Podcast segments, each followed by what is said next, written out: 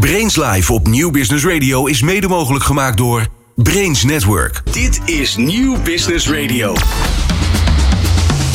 Welkom bij Brains Live. In dit programma op Nieuw Business Radio hoor je hoe het onderwijs wordt ondersteund bij het digitaliseren en optimaliseren van leerprocessen, waarbij de student centraal staat. Presentatie Robert van den Ham en Geert-Jan van der Snoek.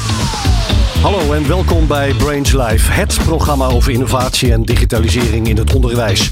We zijn er elke derde vrijdag van de maand met gasten uit het onderwijs, bedrijfsleven en politiek. Mijn vaste co-host is Geert-Jan van der Snoek van Brains Network. Mijn naam is Robert van den Ham. In deze uitzending draait het om nieuwe ecosystemen, het onderwijs en de arbeidsmarkt. Onze gasten in de studio zijn Rob Neutelings, voorzitter van de Raad van Bestuur van Curio, en Jaap van Muijen, hoogleraar organisatie psychologie aan de Nijenrode Business Universiteit. Luister en leer ook van deze aflevering van Brains Live. Dit is Brains Live op Nieuw Business Radio met Robert van den Ham en Geert-Jan van der Snoek. Geert-Jan, om bij jou te beginnen. Dit is de tweede aflevering van Brains Live. Ook nog wel even een moment om de luisteraar mee te nemen in wat Brains Network nou eigenlijk precies doet. En jouw rol daarbij. Brains Network uh, helpt onderwijsinstellingen en het onderwijs om een stap te maken in digitalisering in de volle breedte. En daarnaast uh, vinden wij het uh, van als maatschappelijke doelstelling belangrijk om de kennis verspreiding in het onderwijs verder te borgen en verder vorm te geven. En onder andere door dit soort initiatieven uh, rondom innovatie, digitalisering, relevantie van onderwijs op de arbeidsmarkt, al die thematieken. Helder. En wij zijn er elke derde vrijdag van de maand op Nieuw Business Radio om daar verder over te praten. Zo is het. Met onze studiogasten. Uh, en in Brains Live beginnen we altijd met die studiogasten en hun nieuws van de week. Die nemen we samen door met Rob Neutelings van Curio, de beroepsopleider van West-Brabant. Rob, laten we bij jou beginnen. Wat viel jou op deze week? Ja, eigenlijk twee dingen. Eén uh, hartstikke mooi moment is dat de werkagenda MBO nu is vastgesteld. VNO-NCW hebben ondertekend, het ministerie heeft ondertekend, waarbij de ambities weer vastgesteld worden voor de komende jaren die we gaan aanpakken in het MBO. Uh, mooi moment, komt ook extra geld van de overheid voor deze mooie sector uh, ter beschikking. En een ander ding wat mij opviel is een onderzoekje wat men in Finland gedaan heeft naar de kinderopvang. En in Finland was het zo dat een tijd lang uh, moeders gestimuleerd werden om thuis te blijven. Nou, uh, dat heeft een aantal voorspelbare effecten, namelijk dat hun kans en participatie op de arbeidsmarkt kleiner wordt. Ja, dat hadden wij ook kunnen bedenken, denk ik samen. Maar nog iets heel anders was interessant. Als je kijkt naar de criminaliteitscijfers van die kinderen, als je kijkt naar de uh, opleidingscijfers, de carrièrekansen van die, van die uh, kinderen, die zijn niet hoger zoals je zou verwachten, maar lager dan je zou verwachten. Vervolgens heeft men in Finland uh, de kinderopvang gesubsidieerd. En je ziet dat die uh, criminaliteitscijfers daardoor dalen. Nou, vond ik een heel interessant perspectief. Want als je naar Nederland kijkt, dan hebben we nog steeds daar een soort heilige gedachte. Als je kinderen krijgt, dan moet je die thuis uh, opvoeden. En dit Finse onderzoek bewijst het tegendeel. Helder. Als we even teruggaan naar jouw eerste punt, wat jou opviel deze week in het nieuws, de MBO-agenda. Um, ik zie het ook aan je gezicht. Waarom ben je daar zo positief enthousiast over? Dat het zo nu in Den Haag op de kaart staat? Nou, ik denk dat de MBO-sector mensen opleidt die we echt nodig hebben in Nederland. Um, voor de transities waar we voor staan, denk aan de energietransitie, voor de digitalisering, uh, voor de zorg, voor de woningbouw. En als je kijkt naar uh, de drie doelstellingen van die agenda, dan gaat dat over kansengelijkheid. Dat wil zeggen nog meer mensen uh, de mogelijkheid geven om het optimale uit zichzelf te halen. De verbetering tussen de aansluiting onderwijs en arbeidsmarkt. En als derde meer innovatie in het MBO. En ik denk dat als we die drie dingen um, duidelijker voor de voetlicht weten te brengen, gaat het ook helpen in de beeldvorming van de MBO-sector. Want die kan nog wel wat beter. Helder, daar gaan we het later in de uitzending ongetwijfeld ook nog over hebben. We gaan naar Jaap van Muijen, hoogleraar organisatiepsychologie aan de Nijenrode Business Universiteit. Jaap, jouw nieuws van deze week? Nou, dat stond gisteren in het Financiële Dagblad. Dat ging over Reade. Reade is een uh, revalidatiecentrum in Amsterdam. En zij hebben besloten geen ZZP'ers meer aan te nemen. We zien in het onderwijs en in de zorg heel veel ZZP'ers. Mensen gaan uit de vaste dienst, gaan ze ZZP'er worden omdat ze denken dat ze meer gaan verdienen en meer vrijheid hebben. En zij hebben een uh, model gekozen uh, waarbij uh, heel veel verantwoordelijkheid bij de verpleegkundige wordt neergelegd. Dus er wordt autonomie bevorderd, professionele ontwikkeling en inspraak. En dat betekent ook dat de leiderschap wat uh, aan het veranderen is. Dus niet meer het klassieke hiërarchische, maar veel meer een visie creëren. Uh, kaders met elkaar afspreken. En uh, dat betekent ook dat verpleegkundigen taken overnemen van geriaters bijvoorbeeld. En veel meer zelfstandig kunnen gaan beslissen. Nou, blijkt dus dat het ziekteverzuim afneemt. En dat de instroom groter is dan de uitstroom. En dat ze ook met vaste teams werken. Dus een hele interessante ontwikkeling. Eigenlijk hetzelfde als met de kinderopvang. Dat je de criminaliteit ziet dalen. Zie je hier gewoon doordat mensen in een vast team zitten met vaste medewerkers. Dat het eigenlijk beter gaat. Er is ook meer innovatie. En het tweede wat me opviel, was in hetzelfde artikel, is dat de kwadrantgroep aan het kijken is naar minder diploma's. Dus die hebben mensen voor ouderenzorg gehaald uit ehm, de, de, transportwereld, de horeca. En leiden ze in twee dagen op en stage nog. En dan mogen, kunnen ze taken overnemen. Dat is ook een stokpaardje bij jou, Rob. Hè? Diploma's en de waarde van diploma's anno nu. Uh, dit horende. Ja, dit vind ik prachtig om te ja. horen. Dit zijn hele interessante voorbeelden. Kijk, ik zeg wel eens een diploma is een soort achteruitkijkspiegel. En je kijkt terug wat je bereikt hebt en daar heb je een papiertje voor gehaald. Wat denk ik veel interessanter is om te zien wat voor een competenties, kwaliteiten, vaardigheden hebben mensen. En een aantal vaardigheden in de horeca, die kun je uitstekend in de zorg inzetten. Nou, als je dan, hè, talentenpaspoort is dan zo'n nieuw uh, begrip. Als je uh, veel meer zicht krijgt op die vaardigheden en talenten, ja, dan kun je misschien veel makkelijker switchen tussen sectoren en mensen gewoon kansen geven. Dus ja, het voorbeeld wat Jaap aanreikt, spreekt me heel erg aan. En ik denk ook dat dit veel meer in de toekomst gaat gebeuren. Is dit de toekomst van morgen of hebben we het dan over jaren? Nee, hij is nu al. Je Vandaag. ziet dat sommige bedrijven uh, niet meer vragen naar uh, wat heb je eigenlijk geleerd, maar wat kun je? En wat is je toegevoegde waarde aan het resultaat? Dus niet meer op basis van een diploma een bepaalde functie instromen. Maar laat maar zien wat je echt in de praktijk kunt toevoegen aan het resultaat. En daarvoor gaan we jou betalen. Maar dat heeft natuurlijk ook te maken met het leven lang ontwikkelen. Waarbij bedrijven zeggen, uh, ik heb een behoefte. Ik ben een bedrijf moet blijven draaien. Dus ik heb een enorme behoefte aan uh, nieuw talent wat binnenkomt. En gedurende uh, de, de baan die je bij me hebt, ga ik zorgen dat jij aanvullende opleidingen krijgt. Zodat je continu uh, actueel bent met je kennis. En niet alleen het moment van instappen of uitstappen van het onderwijs. Ja, en dat zien wij aan de vraag hè, in het onderwijs. Hè. Minder vraag naar hele opleidingen, maar veel meer vraag naar specifieke modules die passen bij wat heeft een bedrijf op dat moment nodig. Dus ik denk ook dat we de onderwijswereld daar veel um, veel flexibeler op moeten inrichten om, om juist aan deze behoefte te voldoen. Ja. Nou, wat interessant is, Henk Knapen, die was uh, overal Global HR Director van de ING groep. En die gaf in 2017 een groot interview. En daarin zei hij, wat hem was opgevallen, dat uh, in 2013 zijn er veel mensen uit de financiële wereld gestroomd. Dat heel veel van die mensen geen baan meer hadden in die vier jaar tijd. En ook geen baan konden krijgen. En hij zei eigenlijk omdat ze te weinig in zichzelf hebben gestoken in hun eigen ontwikkeling. Dus hij zei het meest belangrijke is dat je nu bij ING gaat werken, dat je bezig blijft met je professionele ontwikkeling. En dat betekent ook als er weer een ontslagronde komt, dat je kansen op die arbeidsmarkt gewoon veel groter zijn. Gert-Jan, als we dat eens breder trekken naar digitaliseren. Jaap zegt al, hè, de, de vraag die we eigenlijk zouden moeten stellen op de arbeidsmarkt, als je daarop komt, is wat kun je? Als we, dat, uh, als we die willen beantwoorden met digitalisering en wat kun je, zijn we dan breed genomen even al op het goede niveau? Nou, ik, ik, denk dat het verschillend is. Ik denk dat je als je naar digitalisering kijkt en trek hem dan eventjes in, in de, het, pad wat we, wat we hier voor ons hebben, de, het onderwijs eigenlijk, het continue onderwijs. En uh, we praten van, van allerlei niveaus van, van, van opleidingen. Is, is het gekke wat je ziet, is dat dan veel mensen zeggen, de academisch geschoolde mensen, die, uh, die hebben dan die, die studie juist nodig en daar speelt dat minder. Maar dat is niet waar, want die doen die studie. En als er nou één groep is die zich doorontwikkelt, is het juist die groep. En die doorontwikkeling gaat vaak moeilijker uh, vanwege tijd. En dan zie je dus heel veel gebruik van digitale middelen om het vervolgonderwijs vorm te geven. Juristen, een mooi voorbeeld, die moeten punten halen. Uh, eh, 20 punten per jaar. En dat krijg je voor studie, uh, of accountants ook. Dat krijg je voor stukken bestuderen, cursussen volgen, et cetera. En heel veel van dat aanbod is ook gegeven de tijd, wordt online aangeboden. Alleen het is zaak dat niet exclusief voor bepaalde groepen te maken. Ik denk dat het overal geldt. En onderliggend, het laatste punt, is denk ik dat het belangrijk is dat een um, student, een, een, een, een, eh, een persoon die door het onderwijs eh, eh, heen gaat en werkt, continu met zich mee moet dragen. Zeg maar een kluisje waarin staat welke opleidingen cursussen die allemaal heeft gedaan. Zodat je als je weer ergens anders bent, kan laten zien wat je hebt gedaan. En dat is niet alleen LinkedIn, Maar dat is een, een kluisje wat enigszins geborgd is, waar je ook laat zien dat het diploma's, cursus, certificaten zijn die waarde hebben. Ik zie ook Rob knikken. Ja, dat klopt. Hè. Als je bijvoorbeeld naar Vlaanderen kijkt, dan is men, heeft men al Vlaams breed een talentenpaspoort, wat eigenlijk het kluisje van Geert-Jan is. Hè. Een paspoort klinkt nog als een, als een ouderwets boekje, maar het is natuurlijk gewoon een digitale tool waarin je uh, verantwoord ook kunt zeggen, oké, als er dit in staat, dan klopt dit. En, en het tweede punt wat ik nog wel even wil maken als reactie op Geert-Jan. Ik zie dat mensen die academisch geschoold zijn eigenlijk van nature al een, een, een vrij makkelijke uh, bijscholingsdrang hebben.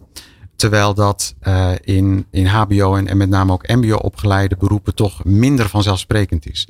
Met de, met de stapsubsidie die we nu hebben, wordt dat wel enigszins aangezwengeld. Maar dat leven lang ontwikkelen, hè, wat, wat Jaap ook zegt, hè, blijf investeren in jezelf. Ja, dat geldt voor iedereen. Dat geldt ook voor MBO-werknemers. We gaan straks verder praten in Brains Live. En dan gaat het over de huidige arbeidsmarkt vanuit het oogpunt van de werknemer en vanuit het onderwijs. Dit is Brains Live op Nieuw Business Radio. Met Robert van den Ham en Geert-Jan van der Snoek.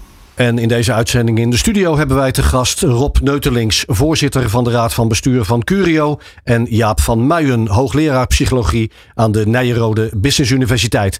En we gaan het hebben over de huidige arbeidsmarkt vanuit het oogpunt van de werknemer en natuurlijk vanuit het onderwijs. Rob, om bij jou dan te beginnen. Hoe ervaren jullie in West-Brabant op dit moment vraag en aanbod? Ik praat heel veel met werkgevers en die stellen eigenlijk maar één vraag aan mij. Doe mij goed opgeleide mensen. Nou, dan zeg ik wel eens, wij zijn geen bol.com, hè, dus je kan bij ons niet bestellen. Maar er zijn wel een aantal trends die uh, deze vraag uh, lastig maken. Eén, uh, we zien een vergrijzingsgolf, dus we zien uitstroom in, in beroepen. En we zien de instroom in het mbo-onderwijs zien we dalen. Als je de landelijke cijfers ziet, dan hebben we een krimp van anderhalf procent van, um, dan moet ik goed zeggen, 21 naar 22. En dat gaat dan over 2300 leerlingen. Bij het HBO zien we ook een stagnatie. De, universiteiten groeien nog, ook onder andere door buitenlandse instroom. Maar dat lijkt een beweging te zijn, terwijl de arbeidsmarkt juist vraagt naar goed opgeleide MBO'ers. En die zijn nodig bijvoorbeeld voor de woningbouw, voor de energietransitie, voor de zorg. Nou, maak het rijtje maar af. En ik zie dus uh, werkgevers met de handen in het haar die zeggen: ja, ik, ik kan niet groeien, ik kan het werk eigenlijk niet aan, omdat ik geen mensen heb. En dat is eigenlijk de praktijk die wij nu meemaken. Ook overigens als je kijkt naar de, naar de cijfers van het CBS, hè, die geven aan voor de 100 werklozen die er nu zijn, zijn er 123 vacatures. Ja, dat geeft dus eigenlijk de spanning op de arbeidsmarkt denk ik heel goed aan. Hoe van spanning naar spannend, hoe spannend kunnen we die arbeidsmarkt uh, maken? Um, uh, in dit geval, als je kijkt naar jouw achtergrond ook. Je hebt ook salarisonderzoek voor intermediair voor DPG Media gedaan. Daar zit je al jaren in. Salarieel, onderwijs, docenten. Is dat een match of is dat überhaupt geen discussie? Nou, over zowel in de non-profit als profit is salaris nummer één om naar een uh, andere baan te gaan. Uh, en nummer twee is uitdaging en ontwikkeling. En daar zien we leeftijdseffecten. Boven de 55 zien we dat ontwikkeling niet meer zo belangrijk is. Maar in de jonge leeftijdsgroep is zichzelf kunnen ontwikkelen heel erg belangrijk om bij een werkgever te gaan. Maar salaris is absoluut de trekker op dit moment. En dat is ook logisch. Uh, probeer je energierekening maar te betalen. En als je jong bent, probeer maar een woning te krijgen. Je hebt gewoon geld nodig. Wat, wat zie je Jaap, uh, ook niet het, dan toch misschien wel een verschil in generaties als het gaat om het belang van salaris? Nee, je zit in, in generatie een groot verschil in het psychologisch contract. Dat is jouw emotionele ruilrelatie met de organisatie. En zeg maar de, de, de generatie X, hè, die had zoiets, ik moet bij een werkgever komen, daar blijf ik ook altijd ons hele sociale zekerheidsstelsel is daarop gebaseerd. Hè? Dat je dus bij één werkgever blijft, dat je daar je pensioen betaalt, dat je geen breuk krijgt. Uh, en dat is eigenlijk gebaseerd dat de omgeving vrij voorspelbaar is. Jongeren hebben een ander psychologisch contract. Uh, bijvoorbeeld generatie Z zie je dat ze vooral gaan uh, uh, voor zingeving, voor ertoe doen, voor maatschappelijke problemen ertoe doen.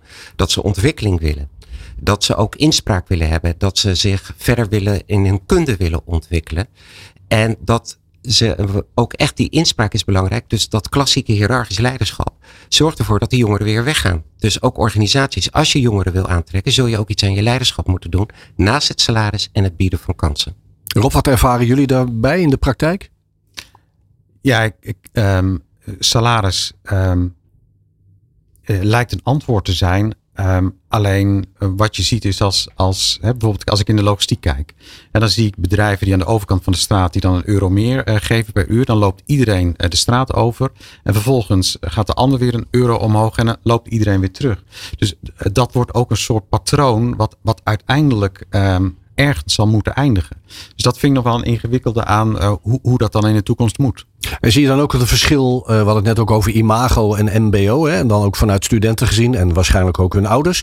Zie je dan ook een verschil in mbo en hbo vanuit de interesse om daar het onderwijs te gaan doen? In relatie tot salaris bedoel je? Ja, ja. ja kijk, uh, ik denk dat, dat we wel in een beweging zitten waar de salarissen van mbo'ers um, meer in de richting van HBO's komen. Er zijn al opleidingen, denk aan procestechniek of vliegtuigonderhoud, die een salaris verdienen, waar menig HBO'er uh, met een uh, alfa of een gamma opleiding met jaloezie naar zal kijken. Um, en ja, probeer maar eens een loodgieter uh, te vinden en vraag maar eens wat zijn uurtarief is als je op zaterdagochtend verstopping hebt in je keuken. Uh, dan betaal jij meer dan uh, de, de Zuidas advocaat. Inmiddels, ja. Ja. ja. ja. Is dat als je ook kijkt naar de ontwikkelingen binnen jouw salarisonderzoek, Jaap, ook wat je constateert als je dat vergelijkt met de afgelopen jaren? Als je gewoon sec kijkt over alle leeftijdsgroepen heen, dan uh, betaalt opleiding zich echt dubbel en dwars uit. Dus nog steeds uh, academici verdienen meer dan mensen met een HBO-opleiding en die verdienen weer meer dan mensen met een MBO. Eigenlijk in maart start het nieuwe salarisonderzoek. En ik ben heel erg benieuwd naar de ontwikkelingen van de afgelopen jaren. Want je ziet natuurlijk dat uh, uh, er wel verschuivingen zijn. Hè? We, zien dat mensen in het primair onderwijs gelijk getrokken zijn als mensen in het voortgezet onderwijs hè, die daar lesgeven. Um, en ik denk dat die ontwikkeling wel door gaat zetten. Het blijft een krappe arbeidsmarkt. Ik ga even naar jou, Geert-Jan. Want als we dan nog even opsommen, er komen niet genoeg leraren bij. Veel oudere leraren gaan met pensioen en die krapte is er dus. Dat, dat hebben we erkend en dat ervaren we.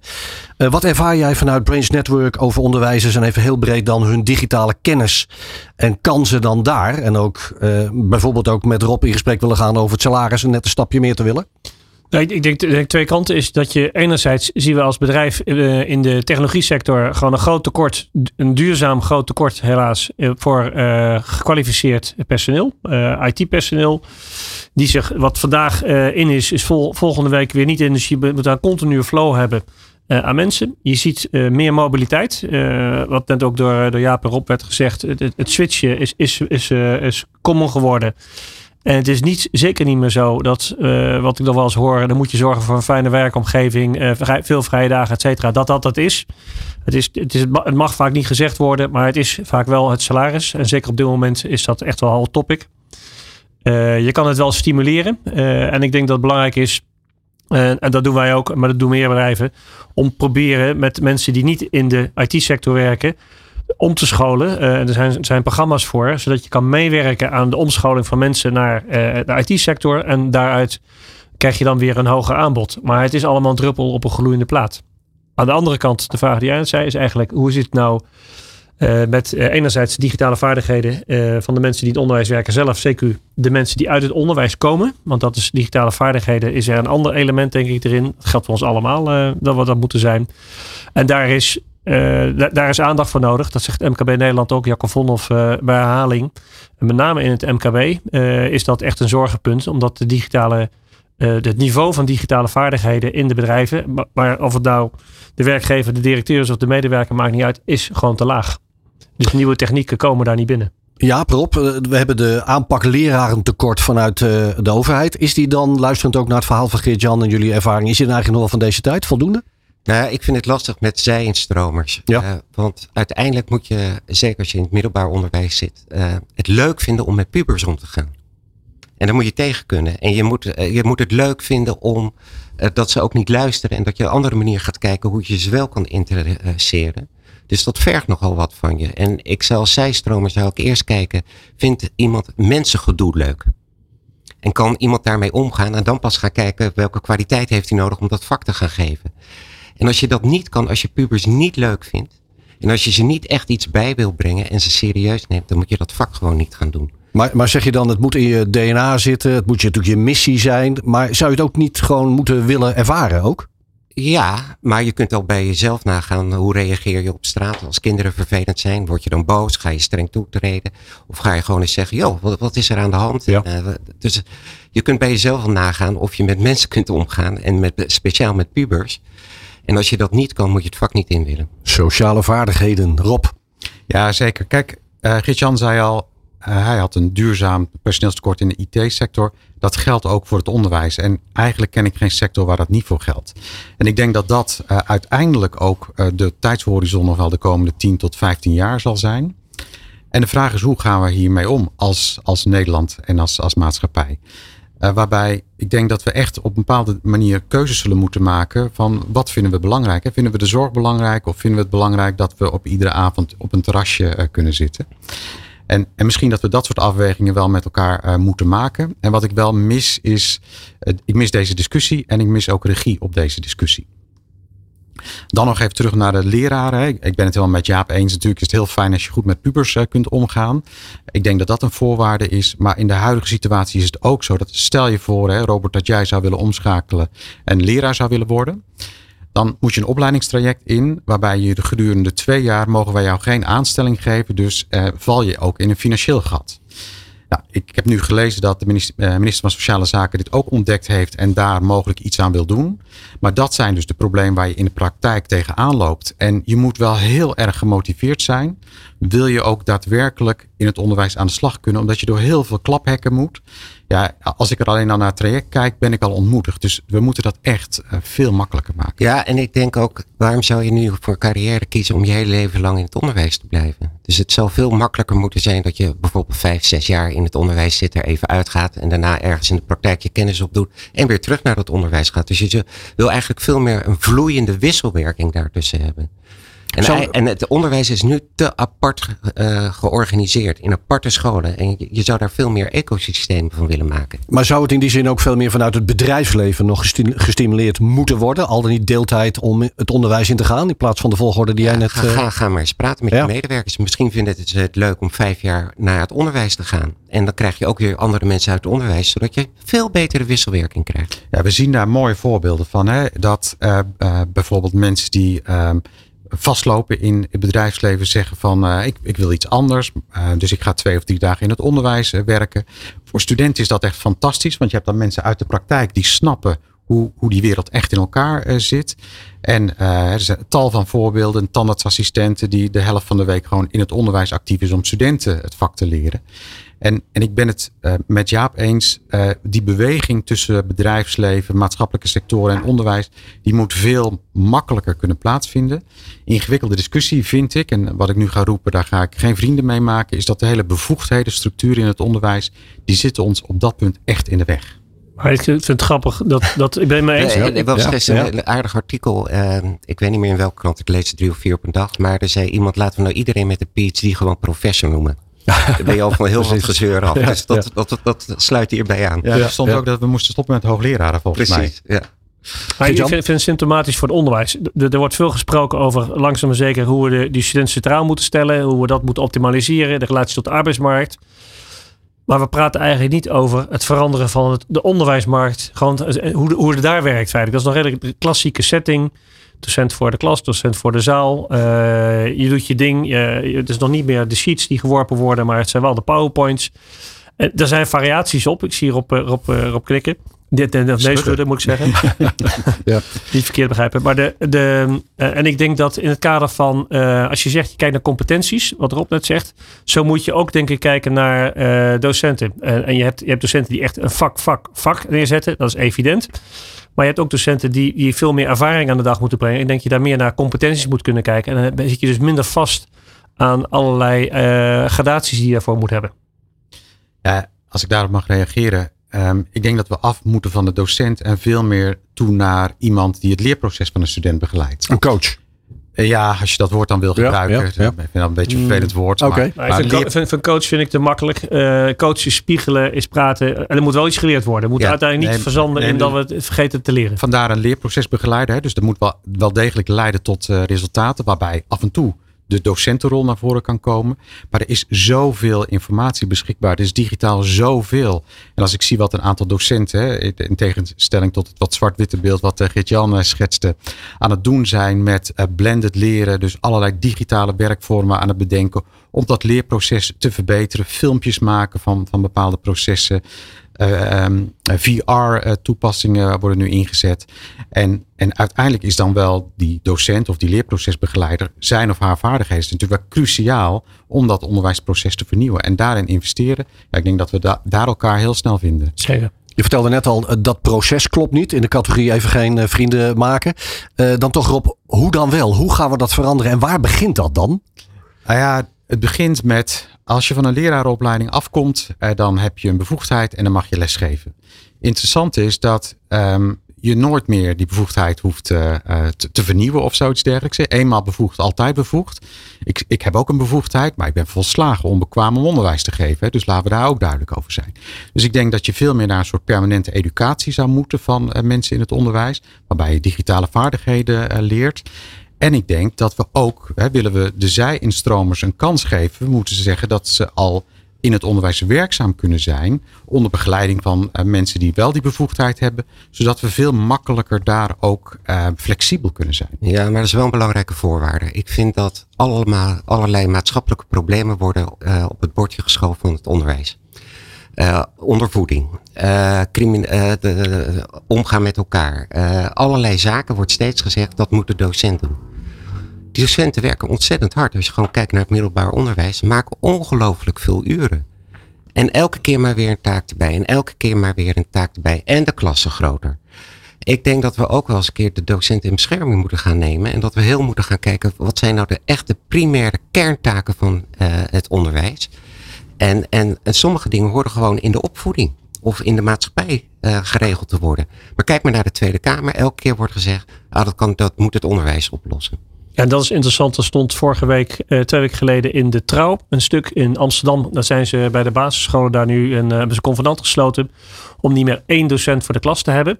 Maar zeg maar meerdere uh, onderwijsprofessionals. En of een professional die niet onderwijs is, maar een specifiek stukje kan nemen. Zodat die docent zich meer kan focussen, zijn les kan voorbereiden.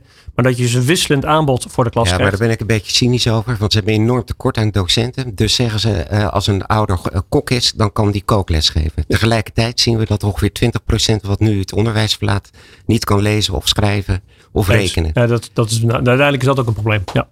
We praten zo dadelijk verder in Brains Live hier op Nieuw Business Radio. En dan gaan we het hebben over de digitaliseringsimpuls van het onderwijs. Dit is Brains Live op Nieuw Business Radio. Met Robert van den Ham en Geert-Jan van der Snoek. We gaan verder praten in deze Brains Live op Nieuw Business Radio. Met als onze studiogasten Rob Neutelings, voorzitter van de Raad van Bestuur van Curio. En Jaap van Muijen, hoogleraar psychologie aan de Nijenrode Business Universiteit.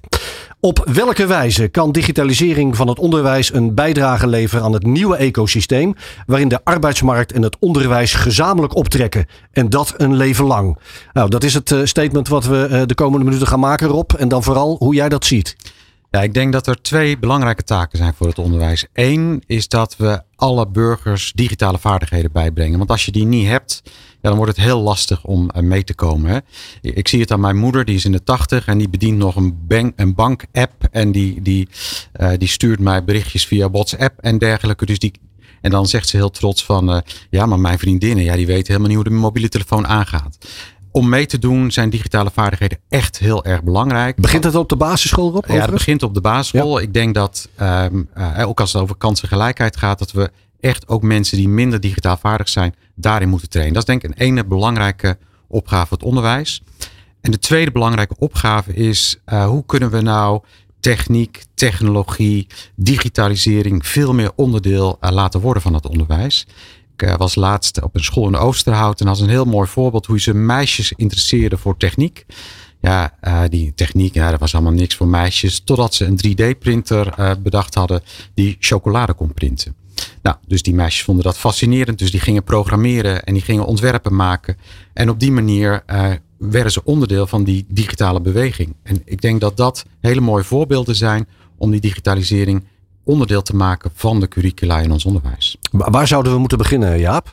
Nou, wat wel interessant is, ik zat even na te denken, hoe geef ik zelf les? Nog steeds bij wijze van spreken zoals de Grieken dat deden. een in een arena.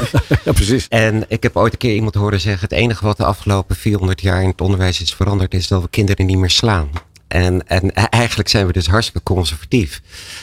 En uh, je zou tekort van docenten zou je ook op een hele andere manier. Dus welk deel van je kennis kun je digitaliseren? Nou is digitaal lesgeven is compleet anders dan voor zo'n groep staan. Uh, ik heb het in corona gemerkt. Hè, en, uh, toen net de lockdown, de eerste kwam eigenlijk. Uh, toen begon een vak van mij. Nou, dan ben je nog gewend op de oude manier les te geven. Dat werkt niet. En in het tweede jaar van de corona ben ik scripts gaan schrijven. Dus bijna per vijf minuten wat gebeurt er. Met ontzettend veel afwisseling. Met uh, opdrachten in breakout rooms. Uh, quizjes. Om te kijken hoe het met de kennis staat. Wat bespreken ze met elkaar. Uh, filmpjes. En dat betekent, ik noem het ook wel de Netflixisering. Hè. De aandachtsboog is maximaal vijf minuten. Dus zul je heel erg goed moeten gaan nadenken. Wat wil ik overbrengen? Hoe breng ik het over? En welke hulpmiddelen gebruik ik daarbij? Ja, ja oké. Okay, ja, maar dit was letterlijk dan learning by doing. Hè, om om ja. het maar even zo te voeren. Want ja, die kennis had je eigenlijk natuurlijk ook niet. Dus nee, die kon je ook nergens halen. Nee, nee. Uh, maar ondertussen is daar veel kennis. Wat ik heel jammer vind, is dat het onderwijs weer niet veranderd is Nou, ik kijk naar middelbare scholen, ik kijk naar de universiteiten. Uh, hoogstens hybride. Nou, hybride, uh, dat werkt echt niet. Dat gaat echt mis. Uh, maar je zou natuurlijk een deel van de kennisoverdracht echt kunnen digitaliseren. Maar doe het dan ook goed. dus wij, wij hebben nu een, een programma, bedrijfskunde voor niet-bedrijfskundigen. Dat is helemaal digitaal. En alleen op het eind ben je er dus als docent om vragen te beantwoorden. Hoe werken mensen ermee? Dit is voor de executive markt. En dan is het een keer leuk, van dan heb je mensen uit Aruba of de Antillen of uh, die meedoen, omdat het digitaal is en je online daarmee verder gaat. Wie dat ook doet, uh, Jaap, is de Open Universiteit. Die hebben een programma uh, met Serious Gaming. Vrij fanatiek, sterker nog, dat is belangrijk voor hun, omdat ze anders te weinig docenten hebben. En dat doen ze met bedrijfskunde en met psychologie. Met met name de bachelorsomgeving. En dan met de vakken die, die interactie nodig hebben. Uh, of lastige thema's of ethische vraagstellingen. En met behulp van serious gaming online. uiteraard. werken ze daar hele, een hele cursusaanbod af. Ja, nou, heel goed. Rob? Um, ja, toch nog even chargerend beeld wat Jaap schetst. Hè. Wat, ik, wat ik wel zie sinds de coronaperiode is dat er veel meer digitale toepassingen in het onderwijs uh, landen. ik zie bijvoorbeeld in mijn eigen organisatie dat er heel veel kennisclips worden opgenomen. Uh, kleine filmpjes, hè, past uitstekend bij die Netflix-generatie. Uh, waarbij iets wordt uitgelegd, waar mensen naar kijken. Waar ze vroeger ze in een boek lazen of zoiets dergelijks. Of, of het werd voorgedaan en dan op die manier een, een vaardigheid bijvoorbeeld proberen te trainen. Ik zie ook veel meer interactie met Kahoots en dergelijke, waar uh, leerlingen en studenten input kunnen leveren, met elkaar in gesprek uh, kunnen gaan. Dus ik zie wel degelijk dat die coronatijd ons geholpen heeft om meer digitalisering in het onderwijs te brengen. En voor mij is digitalisering niet een, een, een must. Hè. Waar het mij om gaat is hoe kunnen we een goed leerproces organiseren. En ik denk dat digitalisering daar een uitstekend hulpmiddel bij is. En ik zie heel veel docenten inmiddels dat ook doen en ook daarna grijpen. Gaat het het onderwijs helemaal vervangen? Ja, dat denk ik niet. En zeker niet in wat praktisch gerichter onderwijs. Ja, ik proef bij jou een beetje. Corona heeft, uh, en dat is het understatement in deze uitzending, uh, de digitalisering in dat onderwijs wel degelijk versneld. We hebben heel snel stappen gezet waarvan we niet precies wisten wat het effect zou kunnen zijn. En dat het nu in een wat trage tempo gaat, omdat uh, het ergste leed geleden lijkt te zijn. Ja, dat denk ik wel. Ik, ik, ik, kijk maar hoeveel uh, studenten weer naar de universiteit gaan of uh, leerlingen naar het middelbaar onderwijs. maar er is ook behoefte om elkaar weer te zien, dat fysieke contact. Ja, maar dat uh, zou je dus anders kunnen organiseren. Dus, dus, ik denk de kracht zou kunnen zijn dat een deel van de kennis zou je kunnen digitaliseren. De toepassing van die kennis, dat doe je weer fysiek. En dat doe je bij elkaar. En dat is de discussie. En daarin is natuurlijk de rol van de docent aan het veranderen. Want de, je bent nog wel steeds daar, uh, je hebt meer kennis dan de anderen. Maar je gaat veel meer om de, hoe, hoe ga ik er nu mee om? Hoe pas ik het toe? En hoe doen jullie dat nu bij Curio uh, als je kijkt naar de tijd van nu, na corona Rob? Nou ja, wat, wat ik al eerder zei, hè, ik zie dat er veel meer dingen gebeuren als, als voorbereiding op, op het leerproces. Waar vroeger kwam je naar de klas, daar werd alles uitgelegd en daarna ging je weer weg. Zie ik nu dat je als opdracht kijkt kijk naar deze kennisclips over... Um, Um, ja, hoe je een worstenbroodje moet maken bijvoorbeeld. Um, En ehm, welke ingrediënten? oefen daar thuis ook mee als dat kan. En vervolgens vindt er een verdere begeleiding plaats in het, in het praktische onderwijs.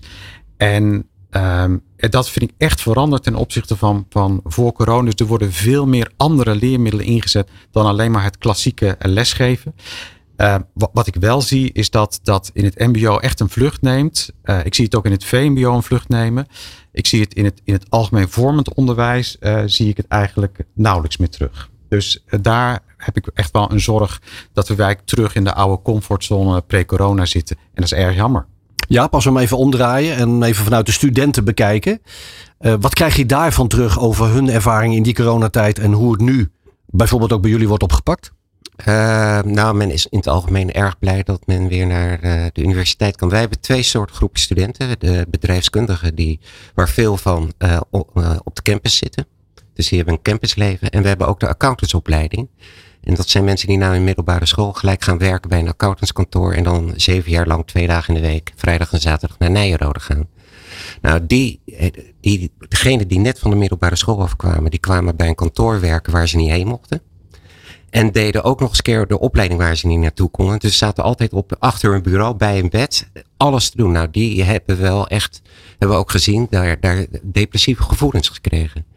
En waren zeer blij dat ze weer uh, naar Nijenrode konden en naar hun werk. En wat heeft het met het niveau gedaan van, van hun kennis en hun ontwikkeling? Nou, wat we weten is, uit onderzoek blijkt nu dat, zeker bij middelbare scholen, ongeveer een achterstand tussen de half en drie kwart jaar is. Klopt. En, en ja. Dat klopt. En daar hebben we het over kennis. Waar ik mij nog meer zorgen over maak, is de sociaal-emotionele ontwikkeling. Hè, die uh, op achterstand is gekomen. Waarbij uh, wat Jaap voor die accountants uh, schetst waar is. Ehm, dan zeg ik dat zijn volwassen mensen en die worden al depressief. Als het gaat over de doelgroep van 12 tot 18 die, waarvan wij weten, die ontwikkelen zich met hun peers, en met hun medeleerlingen, eh, door zich daarop af te zetten, door daarmee verbanden te maken. Dan ontwikkel je persoonlijkheid.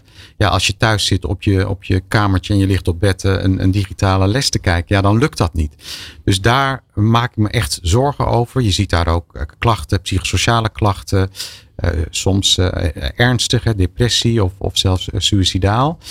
En, en dat zijn wel de beide effecten die we zien. Hè. Dus enerzijds die kennisontwikkeling, waarvan ik overigens denk, dat haal je wel in. Er zijn ook wel voorbeelden van. Ik, weet niet of je daar wel eens naar gekeken hebt. Van landen waar uh, door een tsunami bijvoorbeeld een, een, jaar geen onderwijs is geweest. Dat, dat na een periode van vijf jaar eigenlijk die kennisontwikkeling eigenlijk wel gerepareerd is. Hoe dat met die sociaal-emotionele ontwikkeling uh, moet, um, ja, daar wordt nu veel op ingezet. Um, maar het is nog echt wel een uitdaging. Ik denk dat uh, daar een, eh, een, uh, de moeite waard is om te vermelden. Een nieuw initiatief, of het is een bestaand initiatief wat nu verder vorm is gegeven, is Mind Us. is een stichting. Uh, daar is onze koningin beschermvrouw van. En is eigenlijk de laatste jaar wat, wat meer in de publiciteit te komen. En, gaat zich nu ontwikkelen. Die zich specifiek richt op deze leeftijdsgroepen. wat is denk ik onder de wat is het, jong adolescenten en verder. Juist ook omdat ze naast dat er al, eh, al druk was op die B-groep, de social media, door eh, prestatiedruk, et cetera, et cetera. En daaroverheen is de coronagolf nog een keer gekomen. Dus dus niet alleen corona onderliggend, maar er is veelvoud van dingen. En dat is denk ik de, de, de dualiteit die digitalisering in zich heeft. Enerzijds helpt het ons veel mogelijkheden, het maakt veel mogelijk. Er zit ook een keerzijde aan digitalisering. En dat is vereenzaming, in jezelf keren. Het alleen maar met je telefoontje bezig zijn de hele dag. Dat nieuwe ecosysteem waar we het over hebben, arbeidsmarkt en uh, onderwijs die gezamenlijk moeten gaan optrekken. Neem mij even mee als vader van twee schoolgaande kinderen en leer mij begrijpen wat jullie vinden waar dat moet beginnen. Begint dat in Den Haag? Begint dat bij die bedrijven? Begint het bij het onderwijs? Of is dat 1 en 1 is 3? Nou, als je begint met beleid, dan uh, kun je er nog heel lang op wachten. Precies. Uh, ik, ik, hier zit uh, van het ROC Hilversum het Mediacollege, hebben ze. Dat zit hier op Mediapark. Ze hebben de bebouwde omgeving. Dan hebben ze met een aantal bouwbedrijven en installatiebedrijven. Hebben, zijn ze een, een, een, een stichting aangegaan, een fusie, waar met name niveau 1 en 2 gelijk naar die bebouwde omgeving gaat en niet naar de ROC. Dus dan zie je ook dat er wisselwerking is tussen docenten, mensen die werken in de bouw. Uh, dat vloeit wat langzamerhand in elkaar over. En dat betekent dat de grenzen van je organisatie uh, gaan vervagen, maar dat je, net zoals een natuurlijk ecosysteem, uh, ook als school een onderdeel bent van die samenleving. En waar is dit begonnen dan? Is dit vanuit het bedrijfsleven begonnen? Nee, dit is, uit een, een visionaire directeur. Kijk, Rob. Ja, heel herkenbaar. Hè? We zien dat bij veel ROC's uh, en, en MBO-instellingen op dit moment te gebeuren. Ik heb deze week een lintje mogen knippen bij een hybride leeromgeving logistiek. En een hybride leeromgeving is eigenlijk niks anders dan het klaslokaal in een bedrijf staat. En een negental logistieke bedrijven in Oosthart hebben gezegd: wij willen meer instroom in de logistiek. En we gaan deze mensen in onze bedrijven opleiden.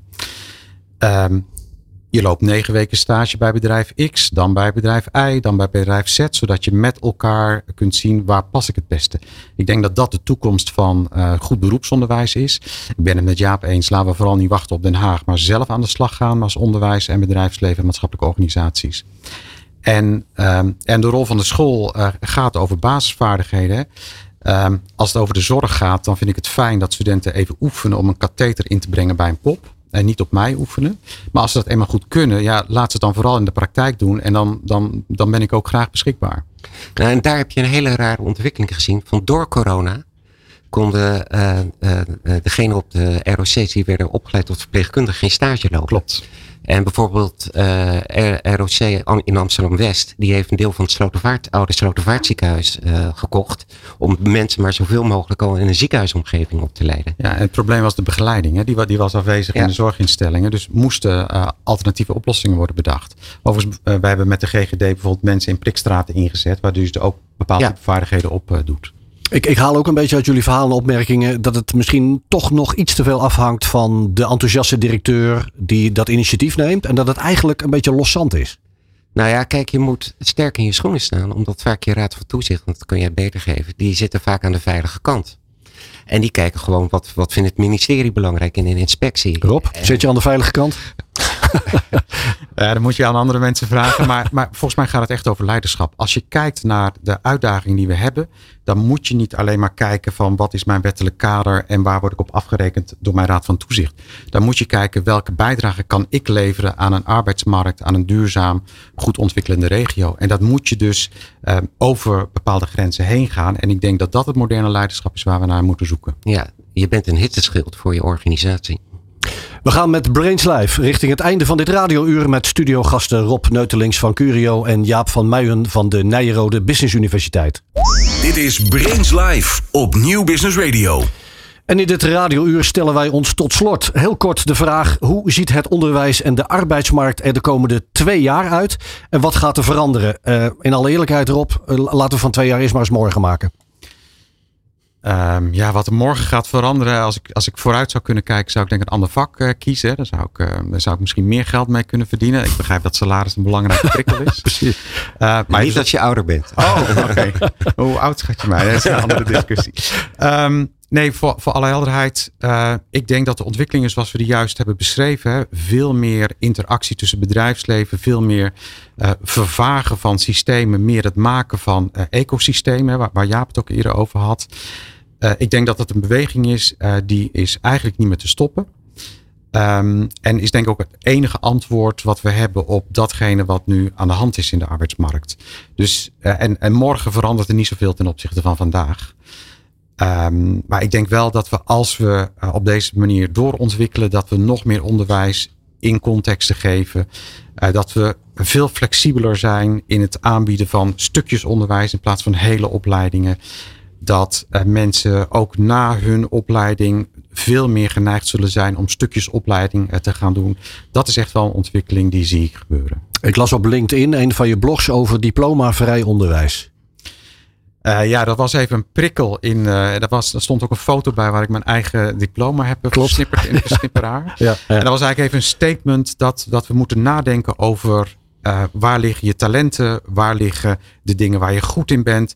Ga je daar nou in ontwikkelen? Kwalificeer je daarin? En dan zijn er tal van plekken waar je terecht kunt. En als je naar kijkt naar banen, dan zijn je bepaald type vaardigheden die in de horeca nuttig zijn. Die zijn ook heel nuttig in de zorg. Ja, daar kun je dus tussen bewegen. Jaap? Ja, ik denk dat deze ontwikkeling doorzet. Wat het hele lastige is, we leven in een zeer dynamisch complexe omgeving. Als je kijkt gewoon naar de ontwikkelingen eh, op artificiële intelligentie, allerlei andere zaken die met technologie te maken hebben, hebben we een overheid die nog steeds uitgaat van planned strategy. Dus die denkt dat de omgeving weinig verandert en we kunnen vijf jaar uh, plannen maken. Dat is niet meer. Ik denk dat je in het onderwijs op dit moment moet zeggen: ik heb een stip op de horizon. Het is een bepaald doel dat ik wil bereiken. Maar dat je toch echt uh, wendbaar moet zijn in, de, in je uitvoering. En dat je moet blijven kijken wat gebeurt er nou in die omgeving en waar liggen de kansen. En, en de overheid zit nog echt in het oude systeem. En dat, dat maakt het ingewikkeld. En daardoor heb je mensen uh, die hun leiderschap pakken en, uh, en, en, een duidelijke visie neer gaan zetten. En die organisatie als het ware de kansen geven om mee te gaan met de nieuwe ontwikkelingen. Deze verhalen horende, Geert-Jan. Uh, jouw agenda voor vandaag voor Brains Network en de, de to-do-list? Nou, ik denk dat het belangrijkste is doen. En uh, ja. je kan er eindeloos over praten. Maar juist in het tijdperk waarin we leven, maatschappelijk en digitaal, is, is het niet... Uh, je moet wel denken, maar je moet denken en doen tegelijkertijd om daadwerkelijk beters te maken. Maar ik denk, je moet groot denken, maar je moet klein beginnen. Ja. En ik denk dat dat het belangrijkste is. Ja, want anders blijf je praten. Ja. Groot denken, klein beginnen. En dat was hem, de tweede aflevering van Brains Live. Dank aan Rob Nuitelings en Jaap van Muijen voor hun komst. Dank aan gastheer Geert-Jan van der Snoek van Brains Network. We zijn er elke derde vrijdag van de maand van 11 tot 12. Deze uitzending kun je ook terugluisteren via de website van New Business Radio. Tot de volgende. Dit was Brains Live. Wil je meepraten of heb je een suggestie voor een onderwerp of gast? Stuur dan je e-mail naar info@brainslive.com. Tot de volgende Brains Live.